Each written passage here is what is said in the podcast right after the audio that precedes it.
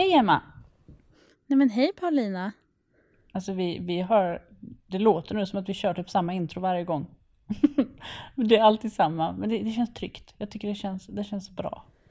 Ja, men hur annars ska man börja då? Om man inte har något förinspelat, det blir ju... Ja, jag håller med. Det är tryggt och bra. Jag, jag är glad att jag slipper börja. jag, jag tar den. Men alltså nu, nu har vi plötsligt, alltså jag, jag vet inte riktigt var tiden har tagit vägen, men jag tror det är så att vi faktiskt är inne i avsnitt fem nu. Och jag förstår inte riktigt vad som hände. Nej, men jag håller med dig. Det måste ju innebära att vi har poddat i fem veckor. Mm. Det måste det ju göra. Mm. Det är helt sjukt vad snabbt tiden går.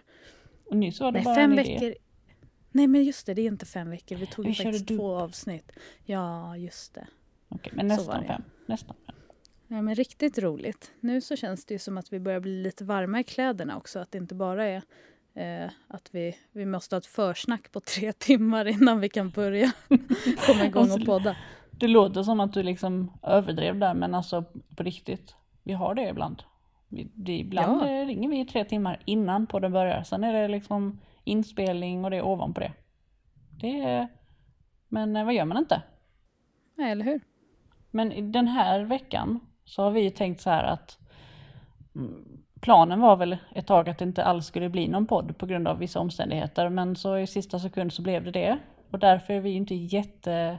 Alltså vi har inte förberett oss så väl med, med typ ämnen och så som vi gjort i de förra avsnitten. Men jag, jag hoppas och tror att det, att det blir bra ändå.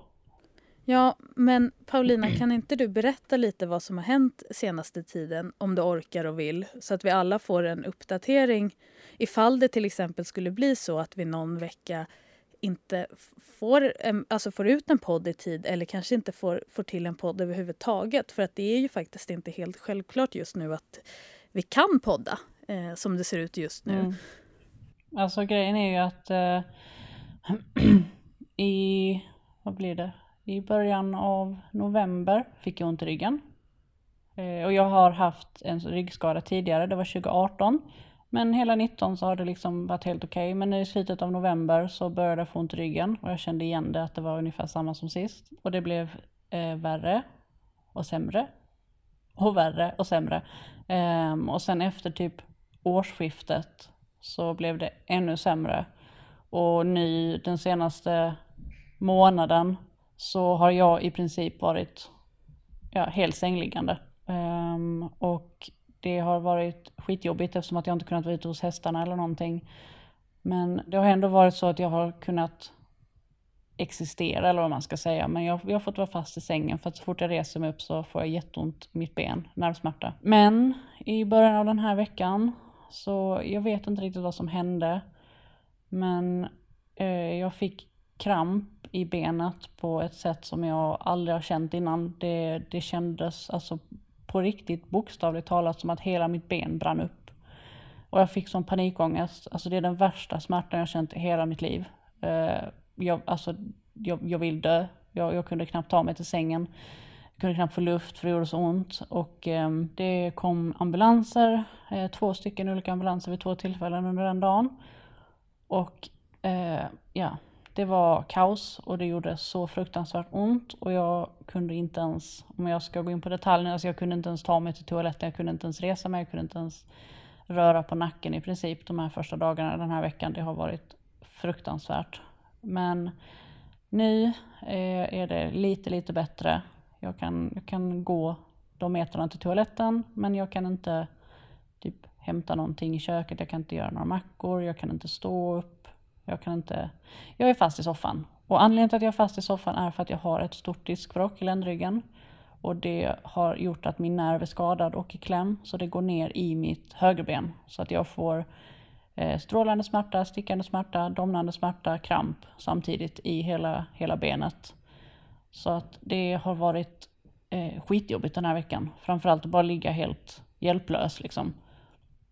Eh, min man har fått ta ledigt från jobbet för att han ska kunna, alltså jag kan inte ens sträcka mig efter min telefon. Eller då, idag är det lite bättre, igår blev det lite bättre. Men det var alltså därför vi egentligen var inställda på att ställa in podden den här veckan eftersom att jag inte, nog inte skulle kunna spela in alls. Men jag har fått dubbeldos morfin och allting sådär. Så att det, det är lite, lite mer uthärdligt nu. Och då kände jag att istället för att ligga här nu så är det bättre att fokusera på någonting kul. Och jag tycker det är jätteroligt att podda. Så att vi, vi kör idag så får det bli lite som det blir och så hoppas vi att det, att det blir någonting bra av det. Men jag känner att nu har vi så, jag vill inte att hela avsnittet ska bara vara jättesorgligt och hemskt. Så att jag vill hemskt, hemskt gärna höra lite, lite positiva grejer. Så kan inte du berätta vad ni har hittat på den här veckan?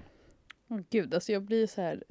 Jag, bara, men, åh, jag som äh, tänkte i början om, för den här frågan, typ att jag här, åh, igår hade jag den bästa dagen på jättelänge, han med massa, gjorde Mm. massa. Det är så sjukt för man inser ju hur tacksam man ska vara att kroppen funkar och att man är frisk och mår bra. Liksom. Att, Mm. att man ska faktiskt inte klaga över små saker. Ja, jag försöker bara, här, bara sätta sig in i, i din situation är ju helt oerhört smärtsamt. Det tror jag det är för alla, men speciellt kanske för alla som oss som har hästar och djur och, och liksom har fullt upp eh, eh, i ett vanligt schema Mm. egentligen. Så, ah, nej, gud. Och sen vill jag bara förresten, i lördags förmiddags så, så kom min bästa vän Lisa hit. Och hon har varit så jäkla snäll. Hon har, eh, fast jag har sagt till henne att hon inte ska, hon har dammsugit vår nedanvåning, sopat vår ovanvåning.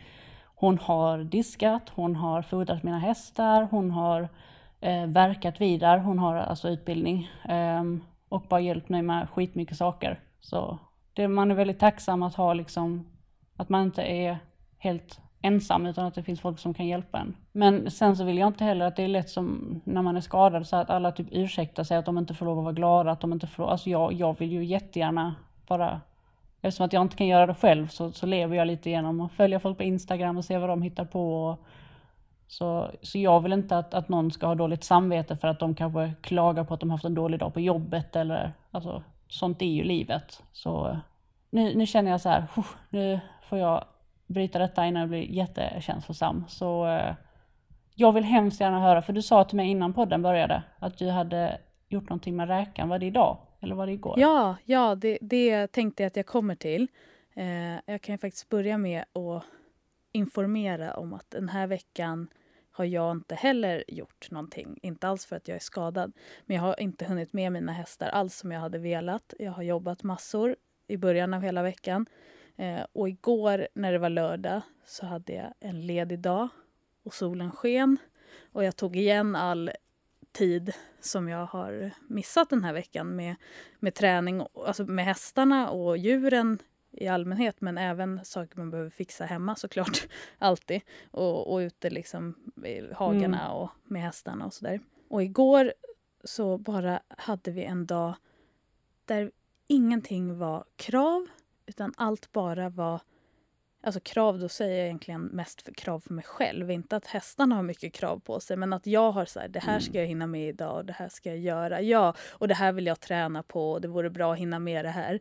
Utan mer bara liksom, vi gick ut när vi vaknade efter frukost. Bara liksom, hästarna kom och vi tog med ett gäng ut på en promenad och höll på och lekte med hästarna och pyssla och borsta. Sånt här som man liksom inte hinner med när man jobbar och har eh, mycket att göra. Och det här satt nog i lite idag också. Mm. Eh, för att jag, nu försökte jag faktiskt ha en plan. Eh, för att vi hade lite mer planerat att jag lovade att hjälpa David att bygga på altanen och att vi skulle podda sen. Och då så kände jag ändå så här, det vore kul att liksom hinna med alla hästar, att hinna hänga med dem i alla fall. Det handlar inte om att jag känner att jag behöver rida nödvändigtvis, men hänga med dem. Så efter vi hade varit ute med Kopia och Bettan på en liten skogspromenad så var min plan att se om Anna ville hänga på och träna lite, ett dressyrpass. Och det eskalerade snabbt kan jag säga. när vi stod men när vi stod och skulle göra Jaså? ordning Anna, David var med med hundarna också. Så bara slog det mig, för jag skulle sätta på henne benskydd för att när hon inte har gått ordentligt på ett tag så, så blir hon ofta lite exalterad och råkar trampa sig själv eh, på frambenen med sina bakben. Så att då brukar jag ha minst ett par senskydd Mm. på henne fram, alltså i förebyggande syfte eftersom jag vet att hon vid vissa tillfällen inte håller lika bra koll på sina ben. Och, och jag kände att det kunde vara en sån dag idag. Och då Mm. så bara så här, nej men gud vad skönt det hade varit att lära in att hon kan lyfta benet när jag ska sätta på benskyddet. Man bara höjden av lathet. Men, men, men det slog mig för Anna är så himla eh, fin på så sätt för hon kan ju inte du kan inte bara gå fram och, och, lyfta upp hennes ben. Då får hon panik. Utan man måste fråga henne, är det okej okay att jag, alltså, mm. jag lyfter din, ditt ben när man ska kratsa hovarna till exempel? Eh, eller sko och verka henne. Eh, och då blir det att det är sällan du behöver ta i benet alls. Hon lyfter alla ben hela vägen upp, alltså även frambenen. Och du kan i princip kratsa hoven utan att ens mm. hålla ett stöd i hoven. Liksom, för hon håller upp det själv.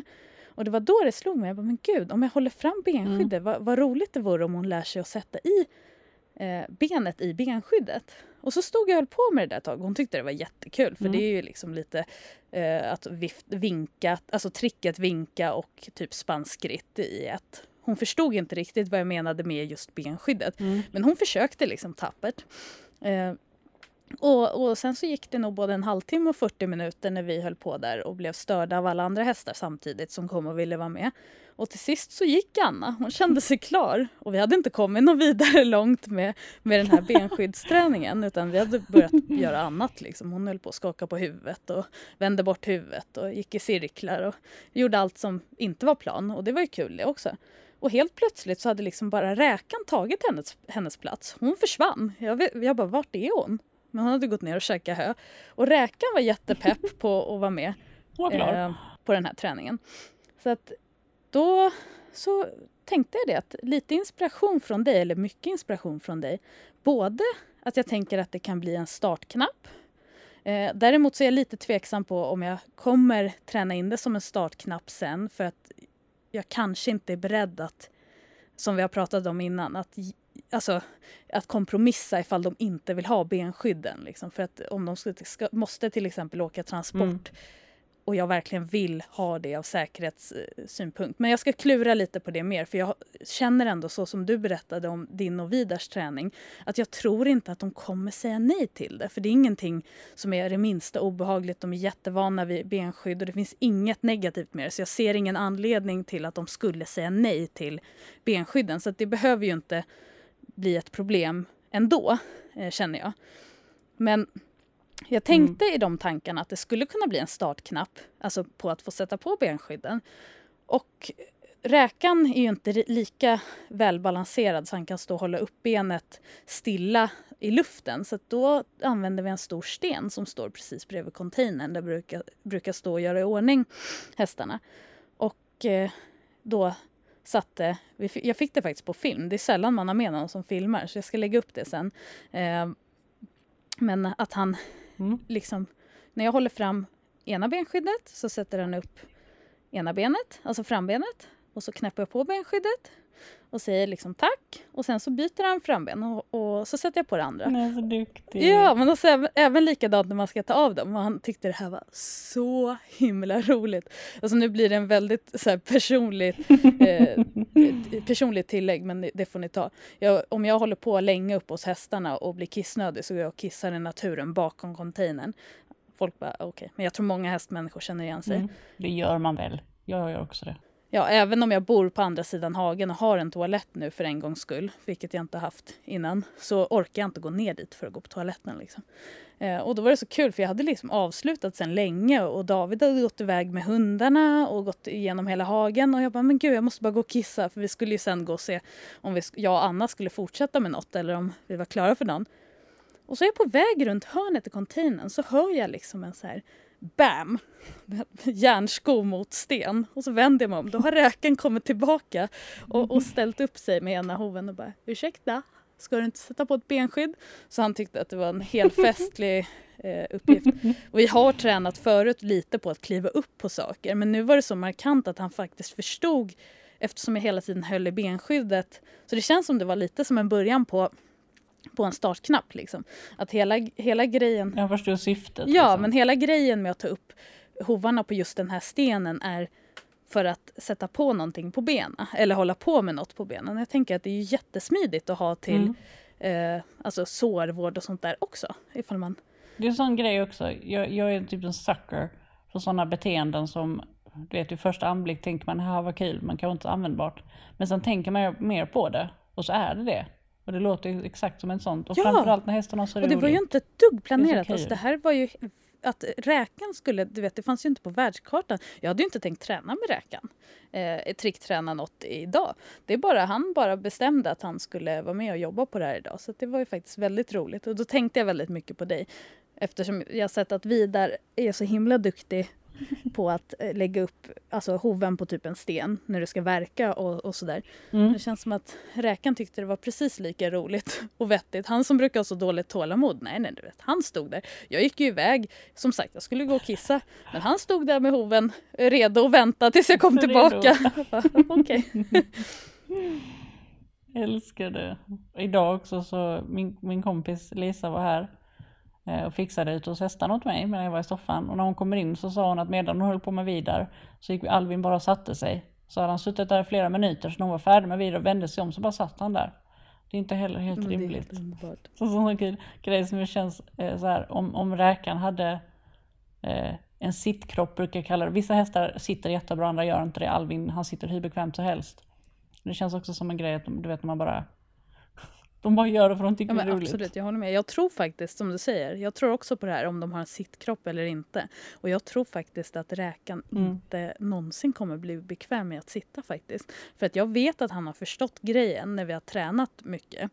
Eh, Och han har suttit och han har Mm. suttit ordentligt och länge. Men han har aldrig varit bekväm i det och eftersom han är så stenbekväm i kan, man kanske inte kan jämföra så, det vet inte jag vad du tycker. Men i att ligga ner och ligga på sidan och ligga åt alla håll och kanter, Mm. vart man än är, så känns det liksom... Hade han inte varit bekväm med att ligga ner, då hade det ju kanske varit att han inte var trygg eller säker i det. Men jag tror att det är för att Mm. han lyckas liksom inte sitta bekvämt. Så att han gillar ju inte det. Så jag har ju faktiskt lagt ner eh, sittträningen helt. Vilket är tråkigt såklart för min skull, för att jag tycker att det är ett jätteroligt trick. Alltså det, det, men det ju, finns ju Mm. ingen vits med, eftersom jag har fått känslan av att han är obekväm med det, då finns det ju ingen vits att, att fortsätta jobba för det.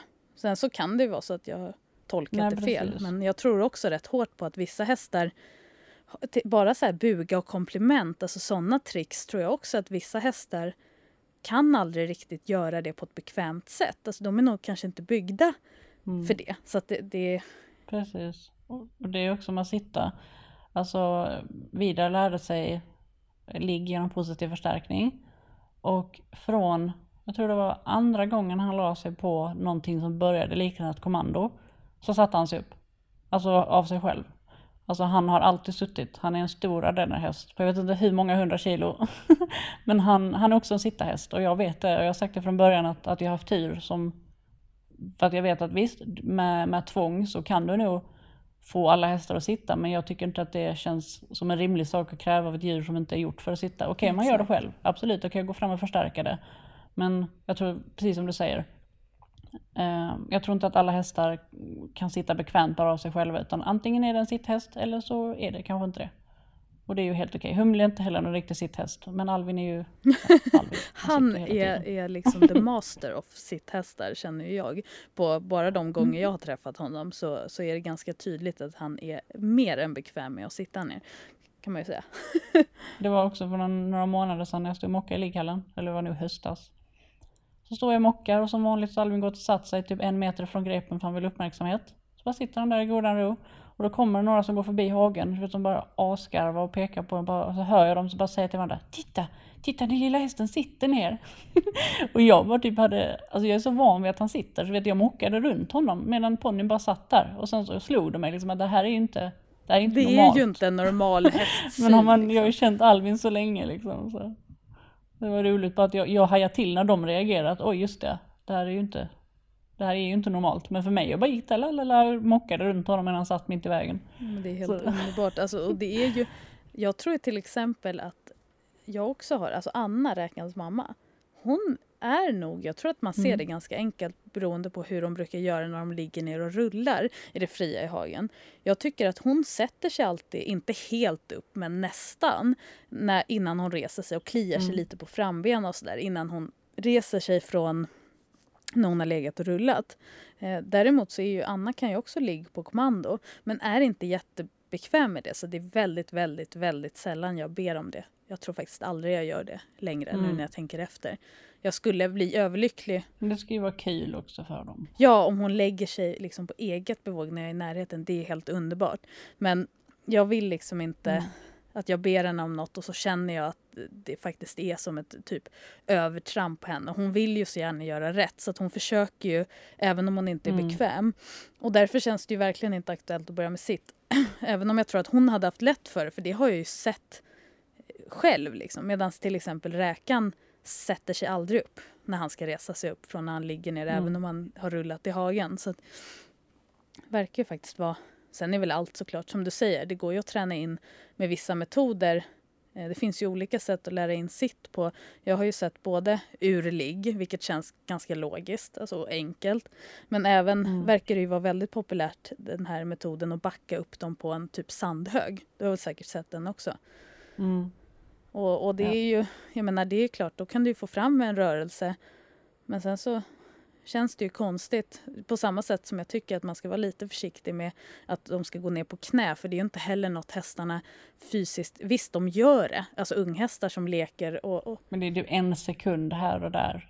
Exakt, och att de då bestämmer över det själv och att de liksom kan snabbt hoppa upp mm. om de känner att det är obekvämt.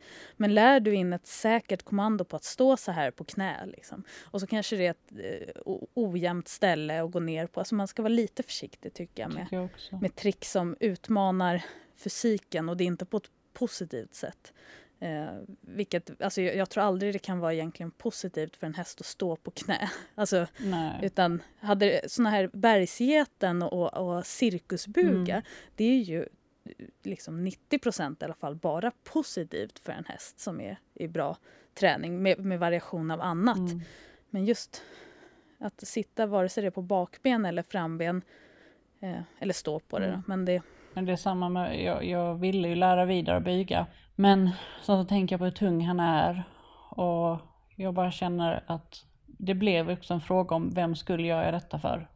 Alltså att ligga ner på kommando, det gjordes ju helt alltså positiv förstärkning. Och där kände jag alltså, då är det inga problem, för då är det han själv som väljer. Exakt. Men ska jag lära in bygga utan tryck, då får det bli med hjälp av mig han, han kan ju inte, jag kan inte förmedla en idé om att bygga utan att visa honom vad det är jag menar. Det går liksom inte. Och då får man antingen använda ett spö och använda tryck och eskalerande tryck och det gör jag ju inte. Och då är andra alternativet att jag faktiskt fysiskt hjälper honom ner i bygeln. Men då blir det ju jag som kontrollerar rörelsen fast jag gör det med positiv förstärkning. Och då kan det ju bli att jag gör att han anstränger sig för mycket. Eller att han gör någonting han inte är bekväm med. Eh, han lägger sig ner helt utan att jag rör honom eller på något sätt påverkar honom. Så där känner jag att det är mer okej. Okay. Men just bygan, eh, jag, jag, håller med dig där. Det, det är framför allt om man har en tung häst eller en häst som är lite eh, konstigt byggd. Eh, min ena häst är det, alltså jag menar inte det som något negativt så, men Humle, min, min svarta shetlandsponny, han är ju byggd i, i nedförsbacke och, och ja, man, får, man får ha det i åtanke. Rätt trick till rätt häst skulle man kunna säga. Ja men faktiskt, och jag känner ju så här, har du en jätteambitiös häst som bara vill lära sig allt, då tycker jag att lär in allt då. Men då behöver man kanske inte överträna mm. trick som inte kommer gynna deras fysik på något sätt utan som snarare sliter mer. Har du Precis. till exempel åt samma håll en jättetung häst eh, och lär den att stegra, då får du kanske ha i åtanke att det blir väldigt mycket belastning i landningarna eh, alltså ur en stegra mm. också. Att man får tänka lite som att det är som en hoppträning, de som håller på med, med vanlig ridning. Liksom. Att det faktiskt är ja. en ganska hög belastning att landa från en hög höjd ifall det har mycket tyngd. Alltså det, det måste man ju också ha i åtanke, även om det... Alltså, ja, man ska ju inte lita helt på att hästarna kan avgöra, även om du har tränat med positiv förstärkning. Det är som du säger, om du hjälper till och håller i ett ben. Det är ju inte fel i sig. Men då, mm. då får ju hästen en trygghet. Nej. Alltså den kommer ju lita på dig och på ditt ord och göra det du ber den om, om du har tränat den rätt och, och gått liksom lagom mm. fort fram. Eh, men det blir nästan lite samma som man säger, veterinärerna säger, att man vill inte ge smärtstillande till en häst med benbrott. För att då kommer den börja belasta det här mm. benet eh, för mycket så att skadan går upp. Liksom. Det blir nästan, det var en konstig Mm. referens eller här, liknelse. Men, Ja, men men det är ju lite så att då har ju hästen släppt kontrollen och tänker men hon har nog koll på det här. Och så kanske du missar och, och dels tappar benet hårt i backen när den är på väg ner i en buga. Eller övertränar det för mycket. Och, och gärna som många missar Mm. också, inklusive mig själv har jag gjort genom åren, att man bara tränar sakerna från ett håll också från början. Liksom. Och att det blir Mm. väldigt mycket belastning på, på ben allmänt. Och det som jag tyckte var bra också som du sa att bara för att man lär in ett trick så behöver man inte be om det. Och där resonerar jag exakt likadant med Vidar, uh, sitta och ligga. Jag ber om det kanske, ja, sen han lärde sig det. Alltså det är några gånger om året som jag föreslår det och då är det ett försiktigt förslag. Just för att jag vet om, alltså han är ju en häst, det är klart att han ska klara av att lägga sig och resa sig, det är ju ingen grej så. Men jag vill inte att han ska slita ut sig för min skull. Så därför så, så ber jag inte om det. Därför jag ser inget behov av det. Varför ska han hålla på och lägga sig ner? Det var en kul process att lära honom tricket och det samarbetet att komma fram till det och han hade jättekul under, under tiden. Men, men jag ser ingen poäng i att hålla på och be om det flera gånger i veckan. Det, det leder inte till någonting. Han kan det nu. Och sen så om vi ska ta fina bilder eller om, om ja, när det känns rätt då kan jag föreslå, bara vill du ligga ner? Och då kan han säga, mm, det kan jag göra. Eller så säger han, nej jag är inte sugen idag. Men, men just det här att, att många tror att Alltså det finns ju många trick som Alvin kan som jag inte ber om och inte har bett om på säkert flera år. Och vissa har han kanske glömt och vissa kommer han fortfarande ihåg. Men det går, det går ju också i perioder med vilka trick man tränar på och varför. För min del i alla fall. Men åh, kan du inte dra några förslag som du tror att jag inte vet? Till exempel om vad Alvin Mm. kan som du inte visar längre. Det vore så himla roligt för jag vet ju att han kan så sjukt mycket tricks som, som jag liksom inte ens skulle komma på och försöka lära in för att det, det är så ambitiöst uttänkt av Alvin och dig såklart. Men mycket känns det som att han har kommit på också eh, i saker. Det första tricket som jag kommer att tänka på, det, det tror jag faktiskt att du såg i somras. Men Alvin kan i alla fall gå slalom mellan mina ben som en hund. Det är inte särskilt graciöst, det ska jag inte säga. Men, men han kan det i alla fall. Och vi gör det inte så ofta därför att jag håller på att sträcka ljumsken varenda gång. Man tycker det är väldigt roligt. Sen, sen så tycker han ju det är kul att gå så här mellan benen. Du kommer ihåg i somras när vi ställde oss allihopa på rad och så gick han. Så himla roligt. Det är synd vi inte sparade det på film alltså. Ja, men var det på en livesändning vi, vi filmade? Ja, det är så Mm. himla tråkigt för det, Det var det. hysteriskt kul eftersom typ Lotta som är så kort också, det var ju inte enkelt. Och Alvin kämpade på, full fart mellan allas ben och vi, vi höll på att trilla allihopa. Helt fantastiskt roligt. Hur många, vi ställde oss fyra stycken på rad med benen isär och så gick han genom en tunnel. Det var så roligt. Och vi Men det stod ju funkar ganska bara, långt ifrån varandra. Ja, men det funkade bara när jag stod först. Det var någon gång han inte gjorde det. Ja, just det. Jag tror att jag var tvungen att stå först så att han gick liksom till mina Exakt. ben. Annars tyckte han det var lite konstigt. Men ja, det kan han också. Helt fullkomligt onödigt men ganska roligt. Sen så kan han, ehm, om han ligger ner så kan han dra på sig själv ett täcke. Alltså om jag lägger typ en filt vid honom, vid, vid rumpan, så drar han, drar han det på sig och lägger sig på Men sidan. det är ju kul. Han kan, ja det är faktiskt ganska roligt. Sen så kan han typ kasta iväg och bära jättemånga olika saker. Ehm, ja, det spelar ingen roll vad som finns där. Han tar det, antingen bär han det, eller så går han med det, eller så kastar han iväg det. Man vet aldrig riktigt. Jag hade kunnat sätta lite mer, lite mer kontroll på det, men det är bara så roligt att se vad han funderar ut. Så att han, han brukar bestämma över det. Och sen, vad kan han mer? Han kan ju jättemycket. Han kan, sen kan han ju det där vanliga som syns på Instagram såklart. Och sen så har han faktiskt ny i år, nej det blir inte i år, jag glömmer att det är nytt år. Förra året blir det, i höstas. Så lärde han sig ett eh, alltså fullkomligt onödigt trick. Men det är så roligt och han är, han är alltså besatt. Jag hade en klinik hemma, där kom typ 20 pers. Jag bara, nu ska ni få se hur eh, free shaping fungerar. Alltså ett sätt att lära in trick där man, där man låter hästen bestämma. Så jag bara, åh nu ska ni få se, jag har haft Alvin i tio år, eh, han är väldigt duktig på det här. Och sen ska vi då visa, och Alvin, det enda han vill göra är att stoppa ner huvudet i en trafikkon. Så att det har vi ett kommando på. Men jag säger konen, så går han fram, välter konen, ställer, sätter huvudet i den och ställer upp den på högkant. Så att han står med den som en tryt ner i, i marken.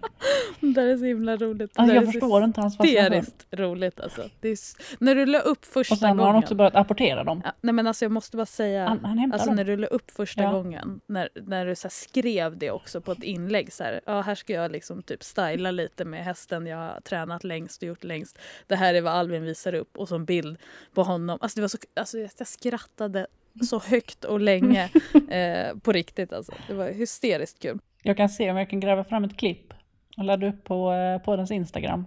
Från faktiskt kliniken när han gör det för de första gångerna. Och jag typ skäms ihjäl och de skrattar. Jag kan se om jag kan eh, lyckas hitta det i gömmorna. Eh, och poddens Instagram är gt.podden. Där lägger vi upp typ lite, ibland lite filmklipp, lite bilder, behind the scenes och frågor till er. Det är lite som ett eh, community nästan. Jag älskar att, vara där och läsa och det, det är typ mitt så här feel good place. Jag håller helt med dig. Det är Man helt så. underbart roligt Jag att så många vill följa oss på, på vår podd Instagram. Det är vi väldigt tacksamma för. Men på tal om jätteonödiga trick. Har inte du några så här typ, inte, det behöver inte vara onödiga, men typ onödiga roliga grejer som dina hästar kan som kanske inte du visar så ofta eller som, som jag vet eller som dina följare vet om att de kan? Finns det något sånt som, som de kan som du inte visar så ofta? Oj, vad... Jo, alltså det är ju ett trick. Det vet jag att jag har berättat för dig Paulina, men jag har sagt att jag, jag typ skäms ihjäl för att det känns så himla onödigt och farligt. men jag kan ju nämna att jag gör ju inte det här tricket längre för att jag tycker själv att det är en onödig grej. Men jag kan ju ändå nämna det Mm. såklart, för det är det först, första jag Ja. kommer ihåg. Eh, det är ju Anna, Anna som inte tricktränar så mycket alls längre. Hon är nog den av mina hästar som kan mest trick egentligen. Men hon eh, tycker inte det är så kul att göra. Hon väljer vilka trick hon tycker är kul för dagen. Men hon eh, liksom vill ju helst hålla sig till det. Hon tycker inte variationen blir så rolig i trickträningen som de andra hästarna gör. Och det respekterar jag. Mm. Så därför blir det ju inte så mycket träning längre. Innan jag började tänka på vad hon faktiskt vill och vad som gynnar henne så bara körde jag mitt race på vad jag kände. Och hon är väldigt lättlärd så hon lärde ju så mycket saker då. Men sen när jag började alltså, släppa henne lös till exempel och inte träna med en grim och ett grimskaft på så insåg jag hur mycket det var hon egentligen inte tyckte var ett dugg kul att göra. Ehm, Så hon har ju Mm. några, ett helt gäng tricks som jag tror att inte så många på Instagram till exempel har koll på eftersom vi inte gör dem längre. Så jag vill inte visa upp dem heller Mm. eh, som det ser ut nu. En dag kanske hon känner för det igen. För jag tror att det sitter, som du sa med Vidar, även om man inte gör det på länge så sitter ju ett inlärt kommando och det finns ju där eh, kvar. De tappar ju inte Mm. helt. Det är som att cykla liksom, tror jag. Jag kan inte svara för Exakt. hästarna men, men det, det absolut konstigaste och farligaste jag någonsin har kommit på att göra det är ju att Anna som är 1,59 centimeter i mankhöjd så det är ingen liten häst. Eller hon är en liten stor häst, men Mm. det är ingen ponny. Eh, Det är att hon ska lägga över båda sina framben över mina axlar när jag står upp. Alltså, Man bara, ja, det har du berättat. Alltså det är helt man bara sjukt. nej bara, nej. Det är så mycket som Don't Ja, try this at verkligen. home. Det finns så mycket annat man kan prova att göra än det. Men hon kan det i alla fall. Så jag tror nog att hade jag Mm. ställt upp mig rätt och gett henne en signal, då hade hon nog gjort det än idag. Men jag vågar faktiskt inte riskera min rygg. för Du har blivit liksom vis här nu med, med, med åren. faktiskt, jag tänkte väl så här, men äh, vad kan gå snett? Sen, men när man börjar så här, eh, jo, allt kan gå snett. Det, allt. och, exakt och visst, hon allt. har aldrig skadat mig i det här tricket. Alltså det har hon aldrig gjort. Men det är ju snarare, det ska jag vara glad för. Det ska jag ju inte räkna med att det Ja. fortsätter. För att jag menar, det är en ganska svår uppgift eftersom hon inte kan lägga någon vidare mycket vikt på mig. Det har vi ju tränat. Utan Mm. hon ska ju balansera men ha, alltså att jag står mellan hennes framben. Ja, det är så onödigt. Men hon kan det som sagt. Alvin eh, kan också det, men skillnaden mellan honom och Anna, eller kan, han gjorde det exakt likadant. Jag gjorde det för en massa år sedan för jag tyckte det var typ häftigt och sen insåg jag hur jäkla onödigt och dumt det är och förmodligen tycker Alvin det är jätteläskigt. Men skillnaden mellan att jag gör det med Alvin och du gör det med Anna, det är att Alvin är 75 centimeter hög och väger typ kanske 100 kilo. Och du har alltså en stor häst. Ja, vad väger hon? 550 Alltså det är kanske? helt sjukt. Mm. Det- Inte rimligt. Nej. Men sen kan hon faktiskt lite andra trick som jag inte heller gör speciellt ofta. Och det finns inte någon större anledning. För till exempel hissen, som jag kallar det, är ju egentligen ett jättepraktiskt eh, trick. Det är att hon sänker huvudet. Jag lägger mig över halsen och hon slänger upp mig på ryggen. Det är ju inte, det är inte en svår grej. Aha. Men det har också varit en sån sak som jag insett är rätt onödig eftersom Anna har lite spänningar i kroppen och har en tunn, mm. dålig rygg. Då känns det inte som att, alltså herregud, så lat kan jag inte vara att hon behöver slänga upp mig med sin nacke. så det är därför jag har liksom uteslutit det ur vardagen. Någon, någon enstaka gång då och då kan jag eh, göra det. Men det har ändå gått över. Om jag ska mm. liksom styla lite med att kliva upp barbacka då har jag faktiskt istället gått upp ur typ buga eller ligg. Alltså, mm. Och att det känns som att det, det faktiskt är mer skonsamt för henne än att ta hela min vikt för hon får ju svinga upp nacken och sen håller hon liksom emot med huvudet. Det är svårt att förklara. Jag ska se om jag kan hitta ett gammalt klipp på det. Men hon vänder bak huvudet så att jag inte ska tippa åt sidan heller. Så det är ju mm, medan du klättrar Ja, upp, men liksom. exakt. Och det går väldigt smidigt för hon är väldigt bra. Hon har ju en bra timing. Alltså Anna är ju duktigare på timing och känsla än vad jag är. Så att det går smidigt när jag väl mm. ska ge mig på det. Men det är också en sån här grej som jag inte gör ofta. Så jag tror inte så många har sett det faktiskt heller. Om man inte har följt mig väldigt, väldigt länge. Men det är också roligt tycker jag att man genom åren har utvecklats. För att målen och tricken jag gjorde för tio år sedan och det jag gör nu att man har vuxit ifrån en del av det för, att man har ifrågasatt sig själv och omvärderat det man har gjort. Och jag känner mig liksom typ stolt över att jag har vuxit som människa istället för att typ skämmas över att jag gjorde fel. Så jag är mer så här, okej okay, jag gjorde fel då, men jag har lärt mig, jag gör, jag gör annorlunda idag. Inte just det där, det var ju ingen fara så, men om jag tänker mm. på vissa grejer som jag har gjort som kanske inte har varit helt, helt i hästens bästa. Så ja, jag tycker det är viktigt att man, att man hela tiden på någon nivå ifrågasätter sig själv lite och, och stämmer av. Ja, men jag håller helt med dig. Alltså, det är på något sätt, du kan ju inte lära dig det på riktigt utan att ha provat något som har gått snett heller. Så jag tycker inte man ska vara rädd. Jag tycker faktiskt inte det. Man ska inte vara rädd för att prova saker. Men det menar jag inte att ni ska lära hästarna att lägga frambenen över axlarna på er. Eller försöka.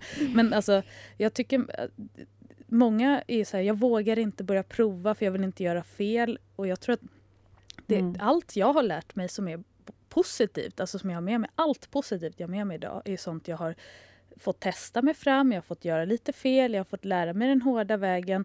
Och sen får man ju hoppas att det inte är mm. allt för många individer, alltså hästar som har behövt lida över det såklart. Men jag tror inte att mm. man ska vara rädd för att känna sig fram lite. Om man någonstans har, har tänket att man vill till exempel börja trickträna med sin häst men man vet inte hur man ska börja. Men du har rätt tänk och du mm. har rätt känsla. Att det ska vara för att hästen ska tycka det är kul och ni ska få ett bra samspel på riktigt. Inte för att ni ska utöva ett visst trick och, och göra det prickfritt. Då tror jag inte det kan bli så fel. Ifall man till exempel försöker frishapea fram något eh, eller testa sig lite fram. Alltså, nu vågar inte mm. jag svara för alla såklart men det känns som att man ska inte vara rädd för att försöka leka fram saker. Alltså du kommer långt på att bara springa med din häst om du, om du får med dig hästen. Det, inte, det ska man inte ta för givet heller. Mm. Men, och kanske prova vad händer om jag liksom ändrar något i kroppen samtidigt. Alltså bara så små, små... Alltså testa sig fram utan att liksom inverka på hästen. utan mer Eller bara belöna saker som kan liksom vara bra för framtiden med vad du vill. då. Till exempel om du vill lära in ligg det är inte så uteslutet i min värld Även om du inte vill röra hästen eller inverka för att du vet inte vad du ska göra eller det är inte sån träningsmetod du vill ha. Men att du till exempel inte bara behöver vänta på att hästen faktiskt ligger ner för att belöna och börja befästa något. Utan jag vet att jag har ju, du vet, jobbat bara på att hästarna kanske på en sandyta går och drar nosen mm. lite i backen eller stannar till mm. och skrapar en gång med en hov, då kan man ju tänka så här Nej men åh, jag vill ju inte belöna att den skrapar med hoven men man kan ju försöka se att du kan få ihop alltså, en, en kedja, kedja, små av, steg. Av alltså att, ja, sänka huvudet, skrapa med hoven och börja gå i cirklar. Det är ofta det en häst gör när de ska lägga sig ner. Så att, att man då provar sig mm. fram. Vad händer om jag belönar eller försöker förstärka det här när det är harmlösa saker som att typ sänka huvudet mot marken. Det är ju inget som kan gå jättesnett. Mm. Och framför allt, alltså när det gäller, jag tror att vi har blivit lite uppfödda med det här att man ska vara så försiktig och man ska inte göra fel och så. Och absolut, jobbar du med tvång och tryck och press så kan det gå jäkligt fel och det kan skada hästen mycket om du sätter press i fel läge eller, eller lägger tryck i fel position eller vad det nu kan vara. Eller om hästen gör någonting den egentligen inte är bekväm med. Men jobbar du med positiv förstärkning så ska ju utgångsläget vara att hästen själv väljer att göra det. Då, då tycker jag inte, precis som du säger, man ska inte vara så rädd för att göra fel för att så länge det, det sker relativt frivilligt så då, alltså, då, då, vad ska det skada? Annat än att ni kanske lär känna varandra bättre eller lär er att okej okay, det här vi gjorde idag det var kanske inte just någonting för oss. Men alla, jag, jag vågar nästan svära på detta för jag tror på riktigt inte att någon har bara fötts med den här talangen och bara gått en fin vacker eh, väg kantad med guld och fågelkvitter utan jag tror att alla som kan någonting idag när det gäller typ hästar och så alla har ju lärt sig det genom misstag på ett eller annat sätt. Det tror jag. Och det som kanske skiljer de som har kommit längre från de som inte riktigt vågar komma igång, det är kanske att man har att man har vågat bara ut och prova fast det kanske inte blir så bra. Så ja, kör på, prova. Det, det är inte hela världen om det går fel. Det är verkligen inte det. Nej, och det är ju samtidigt, alltså det kan ju såklart vara en smart grej att om man inte är kunnig eller vet, framförallt inte har börjat med trickträna exempelvis med sin häst. För då vet man ju inte hur kul tycker hästen det här är. Kommer den bjuda på det här hela mm. tiden? Kanske vid ridning också, ifall man rider samtidigt. Det, du vet ju inte riktigt vad du har för typ av häst förrän du har börjat med trickträning. Och att man då kanske, om vi ska komma tillbaka till ämnet om så här, trick eh, som eh, våra hästar kan. Att man försöker börja med saker som du garanterat bara har glädje av. Som till exempel det bästa. Alltså nödvändiga, ja, det, nödvändiga beteenden. Det här är jättetråkigt och ja, det är inte alls svårt att lära in heller. Eller jättetråkigt, men det absolut bästa jag har lärt mina hästar är ju att vända bort huvudet på en harkling.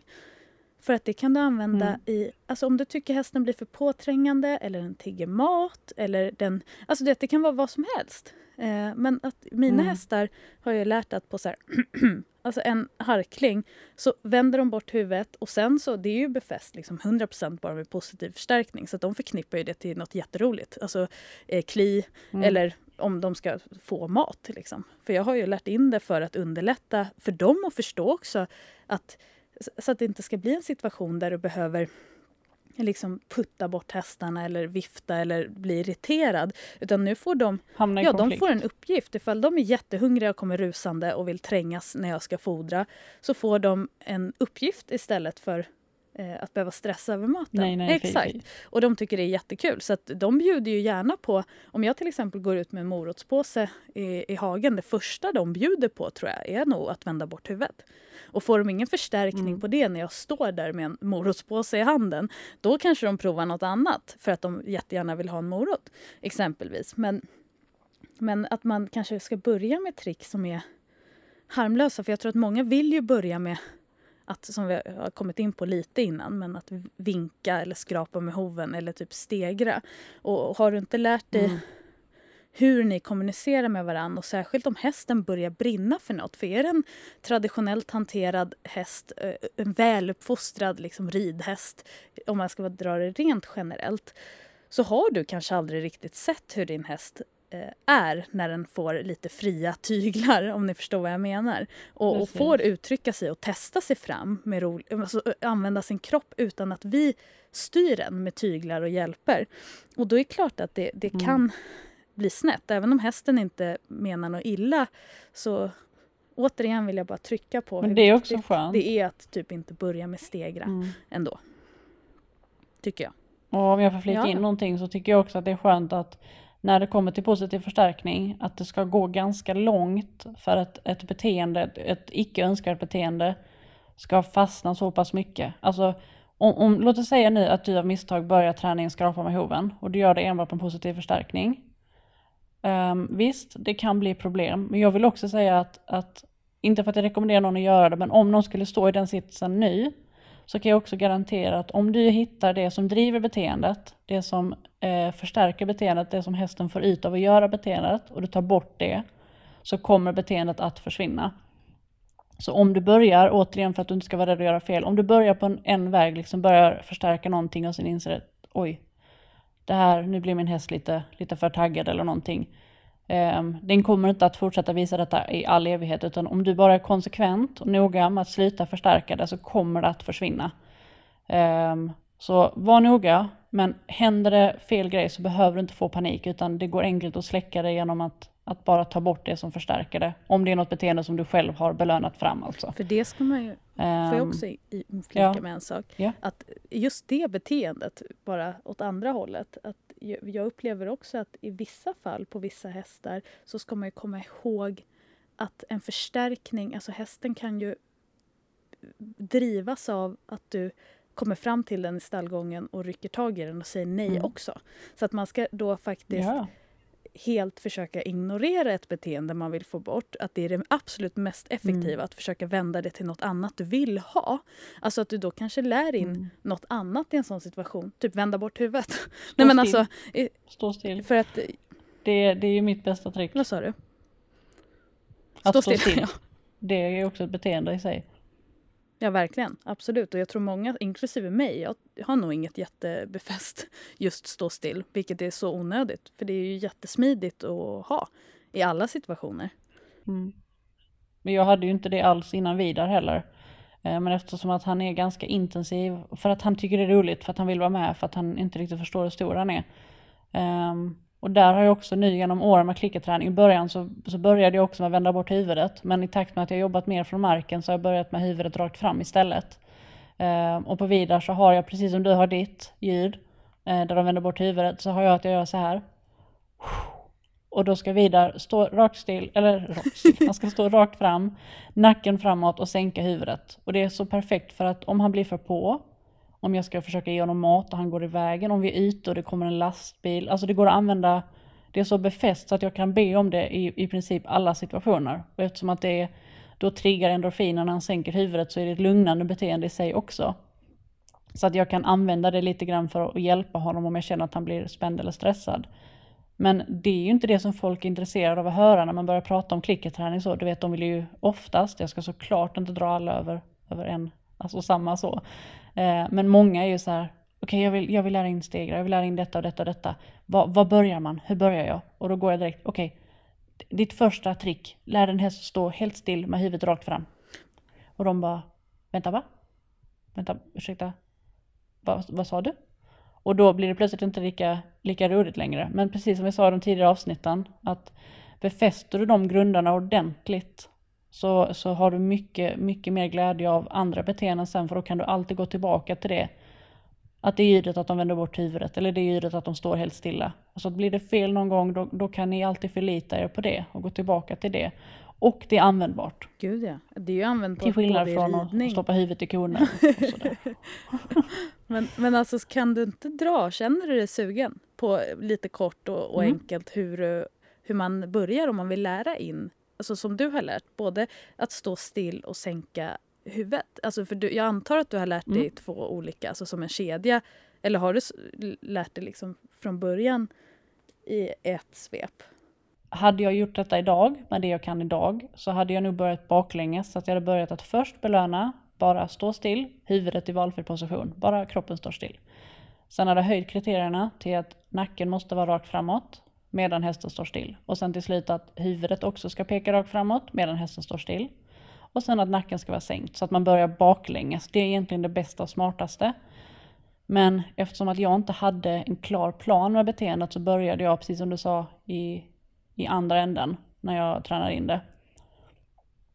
Och att träna in att sänka huvudet är ju jätteenkelt med tryck och eftergift. Du bara lägger tryck, släpper när hästen tar ner huvudet. Men att lära in en positiv förstärkning kan ju vara lite svårare. Framförallt om man har en häst som inte alls är van vid att svara på tryck. För då, då har den inte den här omedelbara reaktionen att flytta bort nacken när man lägger handen där.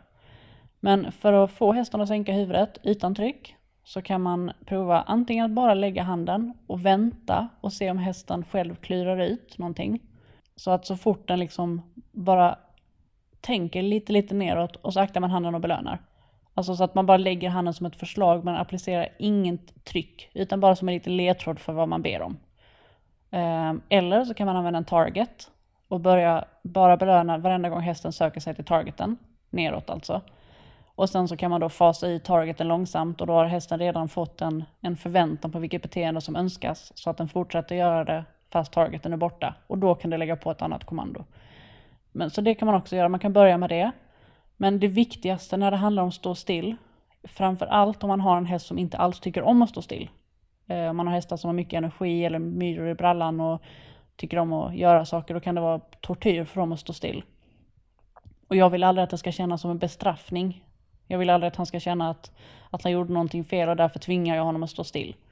Så jag har börjat väldigt lite, väldigt kort och sakta byggt upp.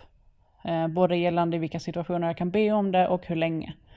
Men i början så är det belöning jätteofta. Så fort, okej okay, nu står han still, huvudet rakt fram, godis. Och det är typ den här frekvensen så är det belöning, belöning, belöning. Alltså bara, bara så att hästen får in det här tänket, okej okay, jag ska bara stå här. Jag behöver inte göra någonting, jag ska bara stå här. Och sen så fort den kopplar det, då kan man ju börja liksom belöna mer, mer och mer sällan. Och sen kan man lägga till då, vill man att hästen bara ska ha huvudet rakt fram, vilket oftast räcker. För det gör att den inte kommer tigga, den kommer inte hålla på att slicka på dina fickor eller bita i händerna. Um, så egentligen räcker det, eller så kan man då göra det lite överkurs och även sänka nacken, vilket jag använder för vidare är så himla stor. Mm. och jag är van vid shettisar så jag, jag är såklart lat och vill göra det lätt för mig. Så ja. Ja, men och det viktigaste är gjort. ju, särskilt om man inte helt har eh, omvänt, alltså i eh, vad man håll, vill hålla på med med sina hästar och hur vardagen kommer se ut, är ju att försöka att, mm. att det blir så himla roligt. Alltså för när man väl kommer igång och en häst förstår vad vitsen är med att försöka hitta alltså, nya beteenden och nya rörelser och, och, allt det där, då är det ganska lätt att lära in mm. det mesta på de flesta hästar, tycker jag. Mm. Men det är att... När de blir typ klickerkloka, ja. när de börjar fatta leken. Ja, och alltså jag som inte jobbar med klickerträning så kan ju ändå säga samma sak. Att när de har, har fattat mm. liksom, det är ju som att hundar förväntar sig att hoppa agilityhinder när de kommer in på en agilitybana. Det blir mycket mer markant för dem såklart. Men att det här är en mm. jättekul mm. grej eh, och, och alltså, att de får in rätt sinnesstämning för det. Men att man innan du kommer dit, alltså, du kommer, alltså jag tror de flesta märker att när det börjar, poletter börjar trilla ner och man inser hur smart en häst kan vara. Att det kan vara sån diffus grej du instruerar eller försöker få fram och de kopplar det och sen kommer de ihåg det nästa gång. Då är det ju hur kul som helst, vad det än är för något du ska jobba med. Som jag har ju gjort, som de allra flesta, flesta, flesta vi har pratat om, så här, det här ska man inte göra. Jag har ju börjat med de svåraste, häftigaste, coolaste tricken när jag började trickträna. Eh, det var inte ett dugg intressant för mig att göra stå still eller vända bort huvudet eller target eller mm. gå upp på, på en pall. typ. Alltså så här, enkla basic grejer som kan vara användbart. Det var inte ett dugg intressant mm. för mig. Det var så här, okej, okay, kan vi... Hur får jag den här hästen att stegra? Typ. Det var verkligen så.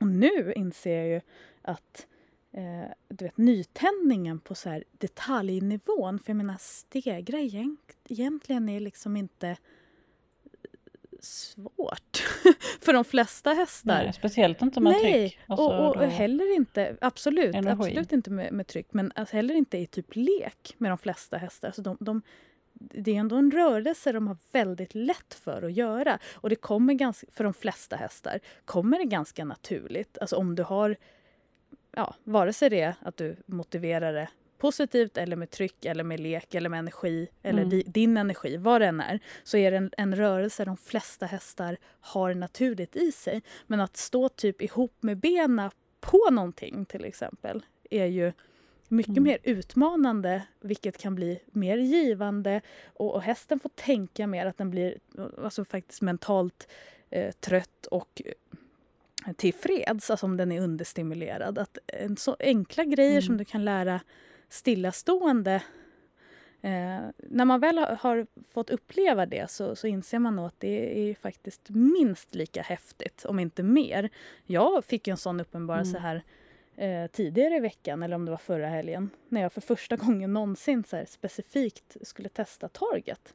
Alltså jag har liksom inte Mm. gjort det vilket känns konstigt. Det hade ju underlättat väldigt mycket eh, annan inlärning och träning ifall man hade börjat med Target till exempel. Men jag har inte jobbat med det med någon av mina hästar någonsin. Och jag bara så här, nej men jag provar. Och, och mina hästar har ju ändå ett mindset nu, alltså de har ju lärt sig mycket tricks från marken.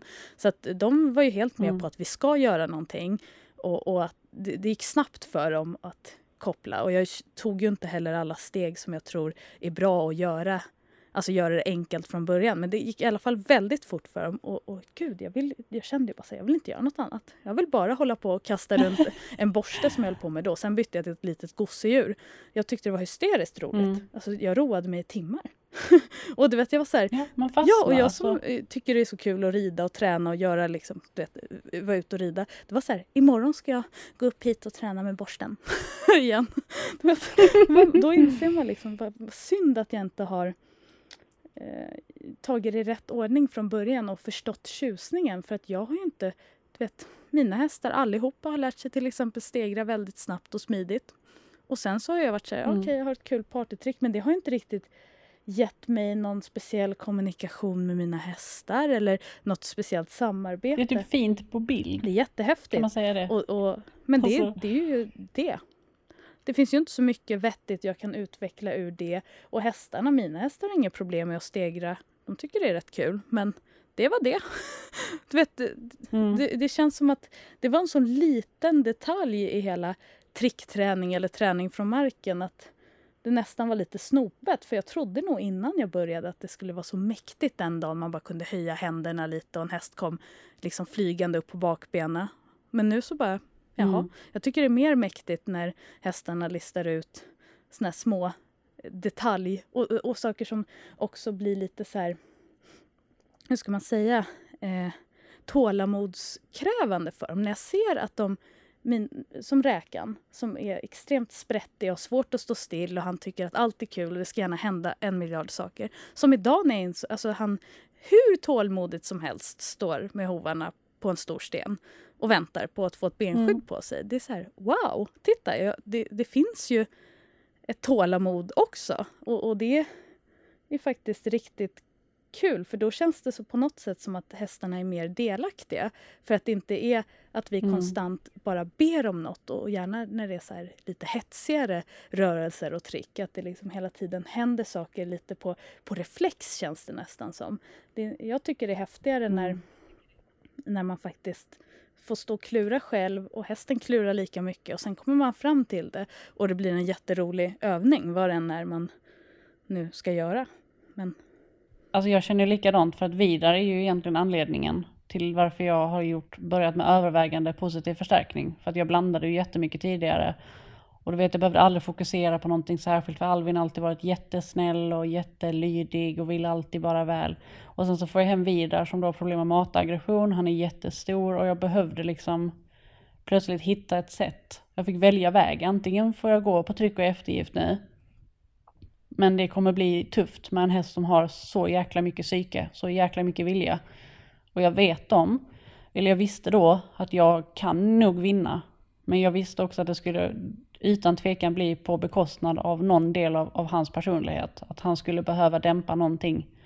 Eh, att någonting skulle behöva slockna i honom för att det skulle kunna fungera. Så då valde jag ju att gå positiv förstärkning. Och det var ju en del kamper i det också. Alltså som jag behövde lösa och klura ut och det är just på grund av det som jag börjat med startknappar och alla de här finliret. Det har jag ju inte gjort med någon annan häst innan honom för att, för att jag inte dels har tänkt på det, dels inte haft något behov av det. Men när jag står där och inte vill använda tryck och så måste jag komma på andra lösningar. Och det är jag ju jättetacksam för idag för jag har upptäckt så mycket nytt och lärt mig så mycket nytt och jag lär mig fortfarande jättemycket nytt och det är tack vare honom egentligen. Alvin fick in mig på typ trickträning och klickerträning och vidare på det här ja, finliret, kan man kalla det för det? det, där detalj, Klurandet som man gör tillsammans. är ett bra. Mm. Exakt. Men alltså innan vi pratar för mycket, alltså det börjar snart flyta in i nästa veckas tema som är motivation, så vi kanske ska hålla här nu. Vad, vad tror du? Alltså jag tänkte faktiskt precis detsamma. För en gångs skull kanske vi lyckas ha ett lite kortare avsnitt. Jag har ingen aning. Jag har aldrig någon aning om hur länge vi pratar. Så jag håller faktiskt med. Vi spar eh, vidare tankar i det här ämnet till nästa vecka där vi går all in på motivation och eh, olika förstärkare och eh, träningsmetoder, tycker jag. Mm, men det gör vi. Sa vi hej! Hej då!